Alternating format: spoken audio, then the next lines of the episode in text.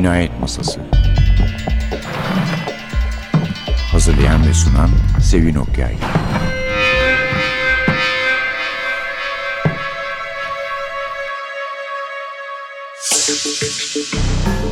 Merhaba. NTV Radyo'nun Cinayet Masası programına hoş geldiniz. Size boyuna Philip Kerr'den söz edip duruyoruz. Ama daha hiçbir e, Philip Kerr kitabı yapmadık yanlış hatırlamıyorsam. Kitabımız benim İngilizcesini daha önce okuyup çok beğendiğim Ölümcül Prak, Prak Fatal. Cem Demirkan çevirdi Türkçe'ye Alfa'dan çıktı. Uluslararası çok satar diye dikkat çekmişler üstüne. Dedektif Bernie Gunther 8. kitabı. Bu gerçekten ilginç bir polisiye kahramandır Bernie Gunther.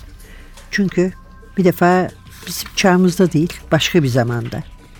İkinci Dünya Savaşı'nın sonları ya da sonrası da genellikle Günter'in maceraları ve bir polis iyi bir polis Nazi değil ama partiye hiçbir zaman yazılmamış. Bu da başına hayli iş açıyor, sıkıntı açıyor ama çok iyi bir polis olduğu için şimdilik o sıralarda idare ediyorlar. Yani belki de bilmiyorum ki belki de girermiş partiye fakat Doğu cephesinde savaştığı ve kabustan farksız bir süre var.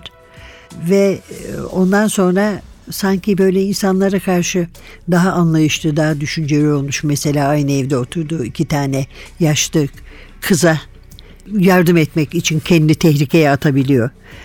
Ve ne kadar sevmiyorsa Nazileri, partiyi ne kadar sevmiyorsa partinin üst katmanında da o kadar e, bazı işler için isteniyor. Kim oluyor bu üst katman diyeceksiniz. SS Generali Reinhard Heydrich tarafından Praga çağrılması üzerine bu kitap. Çünkü onu koruması için Heydrich istiyor. Günter'i ve ona güveniyor yani bu işi iyi yapacağına güveniyor.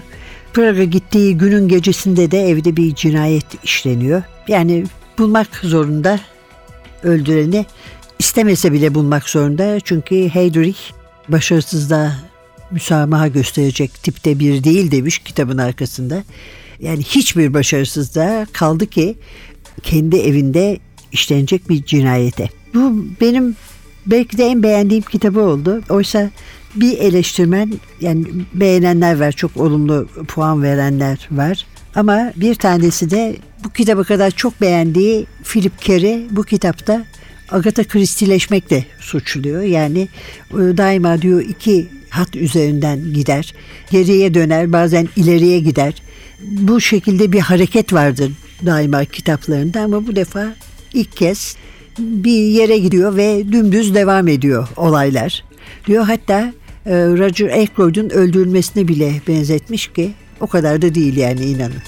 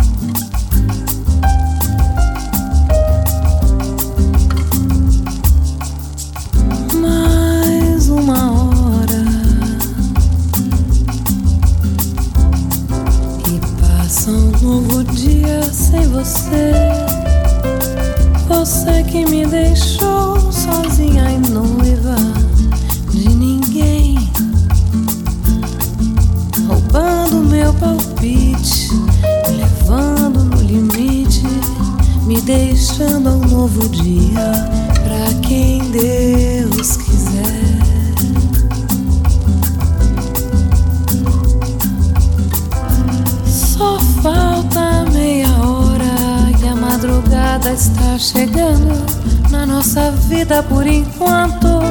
O nosso tempo está acabando. Pra esse amor que amo tanto, essa dor me leva a um pranto que parece não ter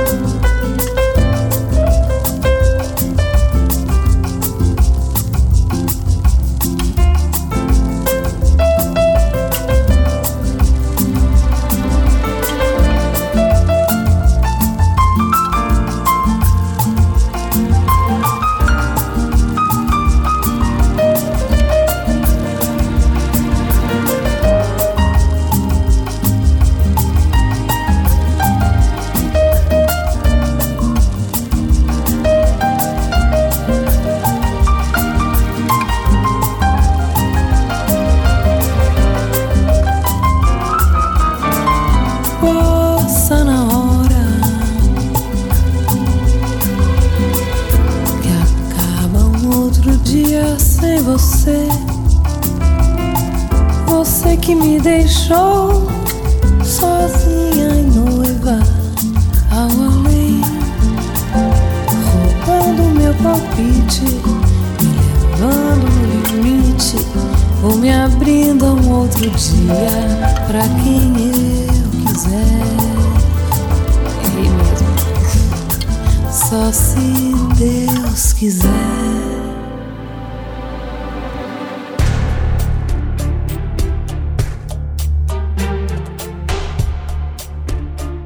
Kahveyi bir kez daha koklayıp başını iki yana salladı. Peki ne istiyorsun? Adlin emrine amadedir. O kadarını istemem. Sadece yiyecek istiyorum. Beni hayal kırıklığına uğrattın. Bizim mutfakta bu kahveye denk hiçbir şey yok. Menüdekiler de seni yanıltmasın. Masadan bir menü alıp bana verdi. Mutfakta sadece bir tane olduğu halde menüde iki et yemeği var. Sırf görüntüyü kurtarmak için ikisini de koyuyoruz. Ne yaparsın? İtibarımızı korumamız icap eder.'' Ya birisi olmayan yemeği sipariş ederse? İmkansız. Veli başını iki yana salladı. İlk müşteri kapıdan girerken ikinci yemeği listeden siliyoruz. Bu Hitler'in seçimi. Yani aslında bir seçim değil. Durdu. Kahveye karşılık yemek mi istiyorsun? Nasıl bir yemek? Konserve istiyorum. Ah, yenilebilir olduğu müddetçe kalitesi önemli değil. Konserve et, konserve meyve, konserve süt ve konserve sebze. Ne olursa bir süre hayatta kalmaya yetecek kadar. Konservenin yasak olduğunu biliyorsun değil mi? Kanun böyle. Tüm konserveler cepheye gidiyor. Eğer konserve taşırken durdurulup aranırsan başın belaya girer. Onca kıymetli metal. Sanki onları götürüp rafa satacağız. Haberin var. Ama bozulmayacak yiyeceğe ihtiyacım var ve onu bulabileceğim yer de burası. Dükkanlara gidemeyecek birine benzemiyorsun Bernie. Kendim için istemiyorum Willy. Tahmin etmiştim.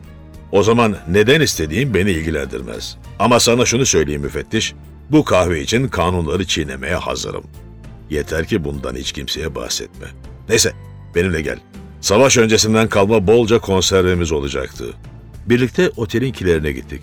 Burası Alex'in altındaki nezarethane kadar büyüktü ama orası gibi berbat bir yer değildi. Kapıda Alman Merkez Bankası'nın kapısındakilerden fazla kilit vardı. Orada ekmek torbamı alabildiğim kadar konserveyle doldurdum. Bu konserveler bitince eğer hala yakalanmamışsan gelip yenilerini al. Yakalanmışsan da lütfen benden aldığını unut. Teşekkürler Willy. Bernie Gunther'in 8. romanı demiştik.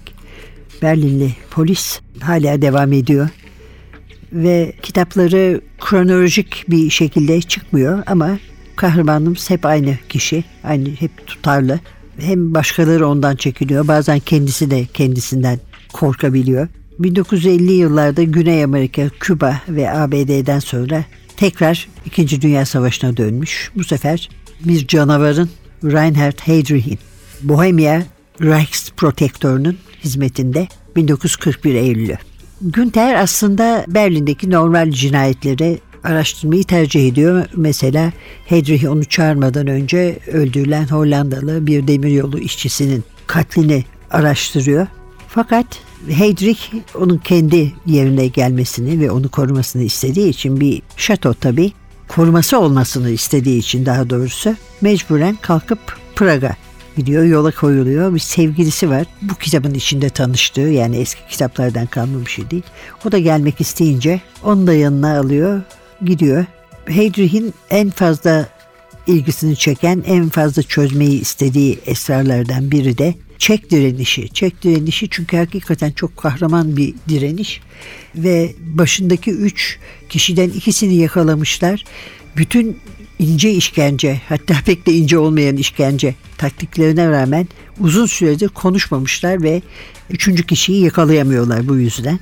Ama Günter bunlardan ziyade e, Heydrich'in şatosundaki cinayetle uğraşıyor. Bu bir kilitli oda esrarı. Belki de onun için Agatha Christie de akla gelmiştir. Gerçi daha büyük ustaları var tabii kilitli odanın. Agatha Christie bir başka şeyden daha akla geliyor. Heydrich kendi programının içine sığdırabildiği ölçüde romanlarını okumayı çok seviyor onun.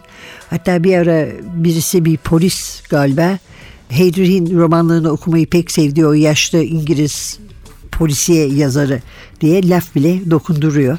Dolayısıyla sanıyorum ki Christie benzetmesi de bizzat Philip Kerr'in kitabın içine sokmasından Christie'nin saygın adını. Günter'in karısı uzun zamandır ölmüş 1919'daki grip salgınında. Ariane diye az önce sözünü ettiğim kızla güzel bir kız barda çalışan ilişkisinin bir geleceği olmadığını biliyor. Daha sonra da olayın farklı yönlerini de öğrendiği, onlara da hakim olduğu zaman işlerin ne kadar karışabileceğini anlıyor. Çünkü Nazilerin şöyle bir özelliği var. Yapmazlar diye bir şey yok. Her şeyi yapabiliyorlar.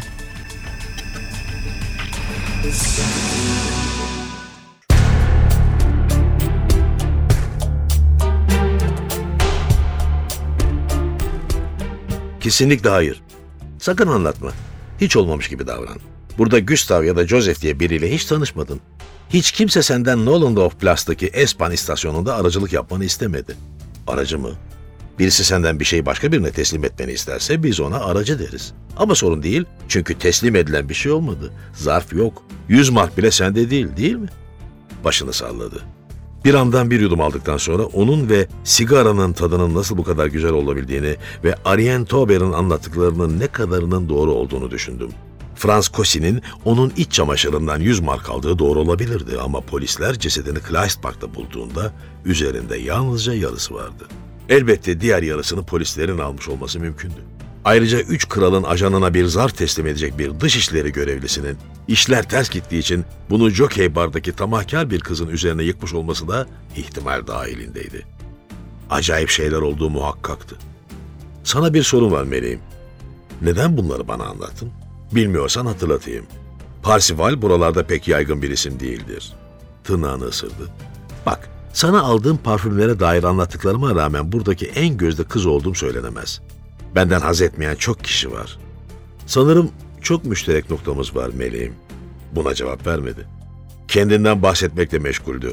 Bunda bir mahsur da yoktu çünkü o benden çok daha ilginç bir konuydu. Ah evet, güzel olduğunu biliyorum. Fakat erkeklerin çoğu onlara kadınların genelde erkeklere verdikleri şeyi vermemi istiyorlar. Ama ben sigara, içki, bahşiş ve belki bir iki farklı hediye dışında hiç kimseden bir şey istemiyorum. Bunu bilmeni istiyorum. Belki kendin de çözmüşsündür çünkü yeterince akıllı bir tipe benziyorsun. Anlatmaya çalıştığım şey fazla arkadaşım yoktur ve onlardan hiçbiri de irfan ya da olgunluk denen şeyden nasibini almamıştır. Otto Schulze'ye de burayı işleten Fritz söyleyemem. Ona hiçbir şey söyleyemem. Kesinlikle Gestapo'ya bildirir. Otto Gestapo ile arayı iyi tutmaya dikkat eder. Bilgi karşılığında ona para ödediklerinden eminim. Sanırım Magda'ya da. Frau Lippert'i gördün zaten. Geriye de kimse kalmıyor.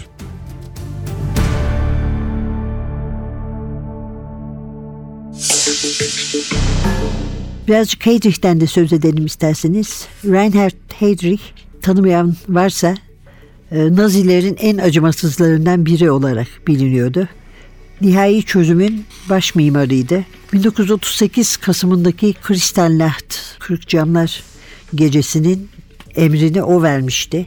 Yahudilerin iş yerlerine saldırılmasını Almanya ve Avusturya'da ve Praga gittiği zaman da daha doğrusu Praga gönderildiği zaman da lakabı Prag kasabıydı.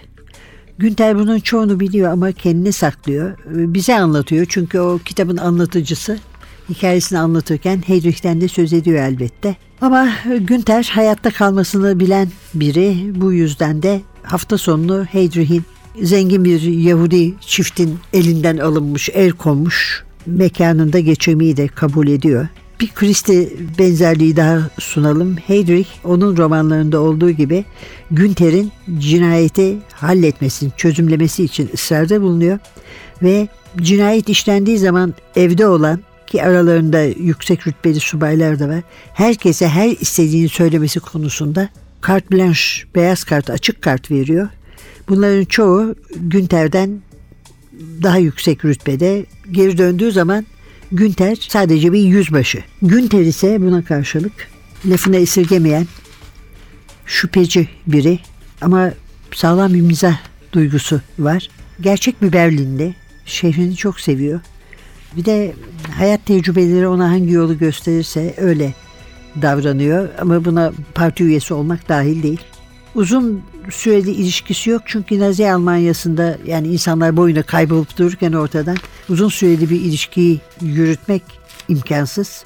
11 yıl Kripo'da Berlin'in cinayet teşkilatında diyelim poliste cinayet masası dedektifi olarak çalışmış ve her şeyi görmüş, görebilecek her şeyi yani rüşvet, yozlaşmadan tutun da şiddete kadar. 33'te Nasyonel Sosyalistler idareyi ele alıp da parti üyesi olmayanları zorlamaya başlayınca ayrılmış. Ayrılmadan önce bir kriminal inspektör olarak tanınıyor ve çok güven uyandıran, iyi tanınan, bilinen bir kriminal inspektör. Hiçbir zaman da bağlarını kaybetmemiş. Çok içiyor, çok sigara içiyor. Biraz kilosu fazla. Ama Rusya'da bir e, savaş esiri olunca kampta bütün bu kötü alışkanlıklarını unutabiliyor, tedavi olabiliyor onlardan.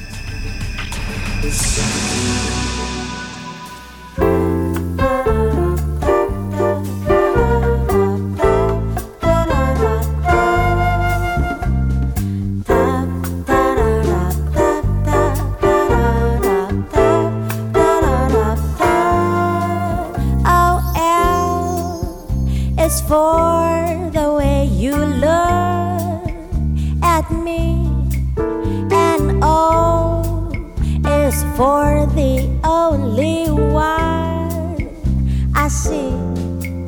And a V is so very, very extraordinary.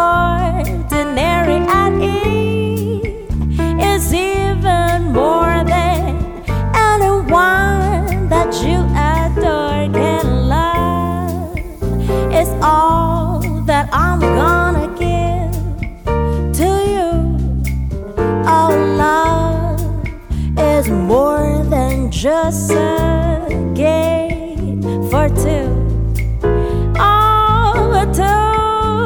love can make it. Take my heart, but please don't break it. Love was made for me and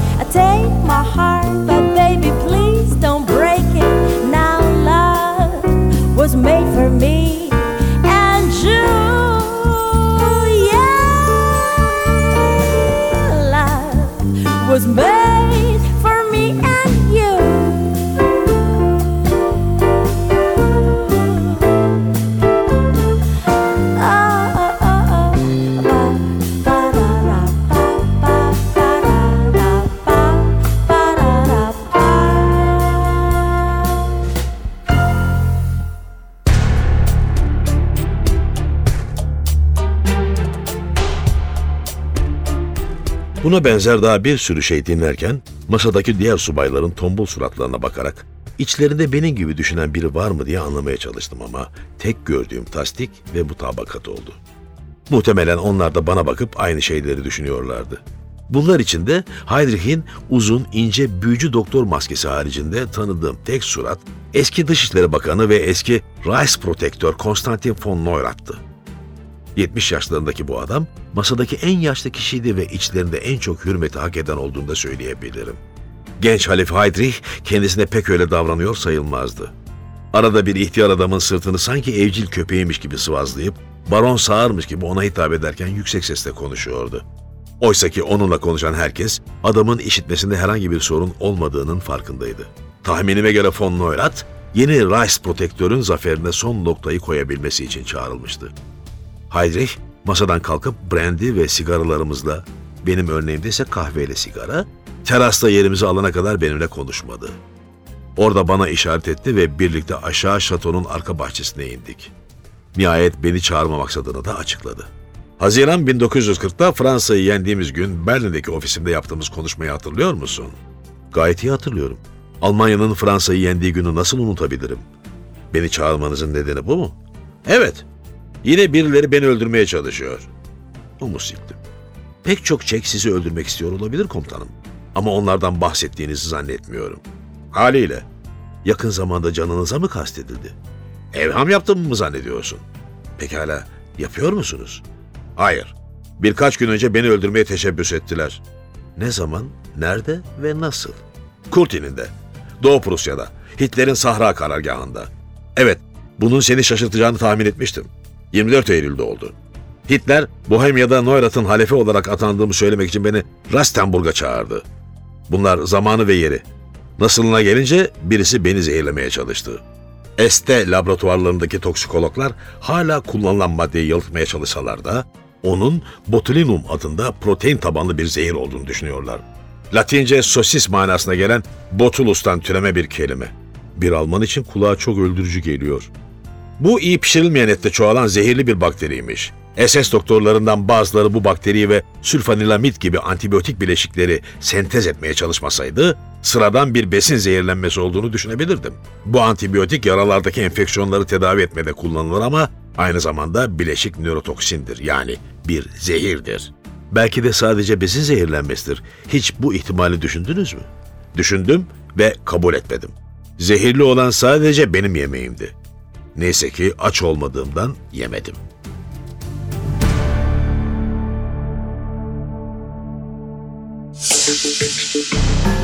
Biraz da yazarımızdan tabii söz edelim. Şimdi şu son bölümümüzde İngiliz bir romancı. İkinci Dünya Savaşı sona erdikten 10 yıl sonra doğmuş ve savaş sırasında Nazi Almanya'sında ki suç dünyası üzerine, suçlar üzerine yazıyor. Kahramanı ise bir Berlinli malum Bernie Günther ve tam bu Prag Fatal'ı yazdığı sıralarda bir söyleşi de vermiş.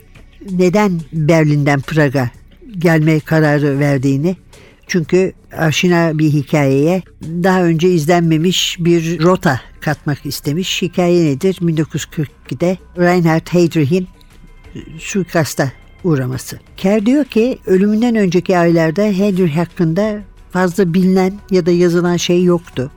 Ben de dedim ki Bernie'yi hem de Heydrich'in talebiyle Praga getirmek iyi bir fikir olabilir. Bir değişiklik olur diye düşünmüş ve hep birlikte Praga gitmişler. Ama tabii Günter'in de onun da şehri Berlin. Orada yaşıyor, oraya gelmiş, oraya yerleşmiş.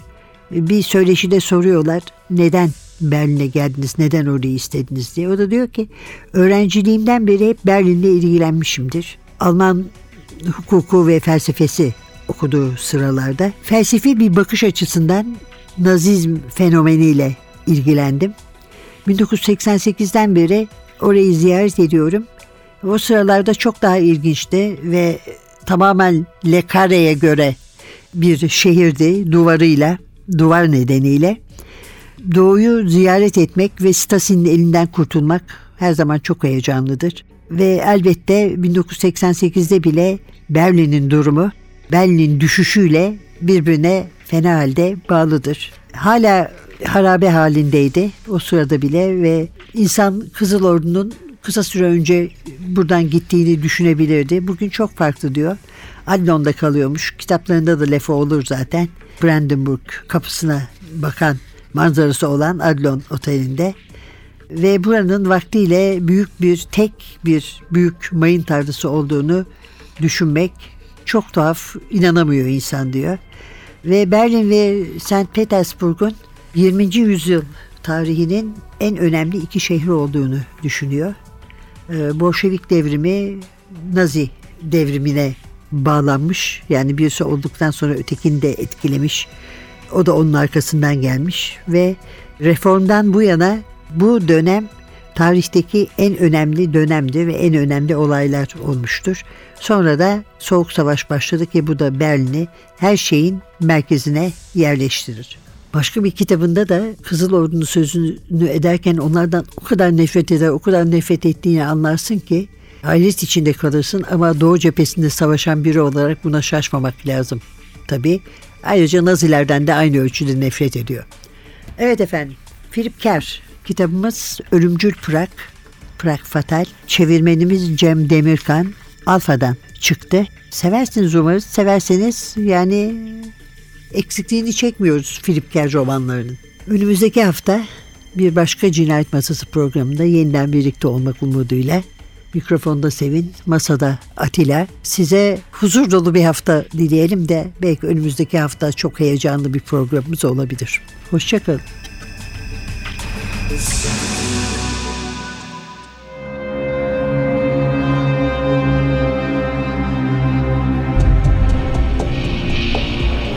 Cinayet Masası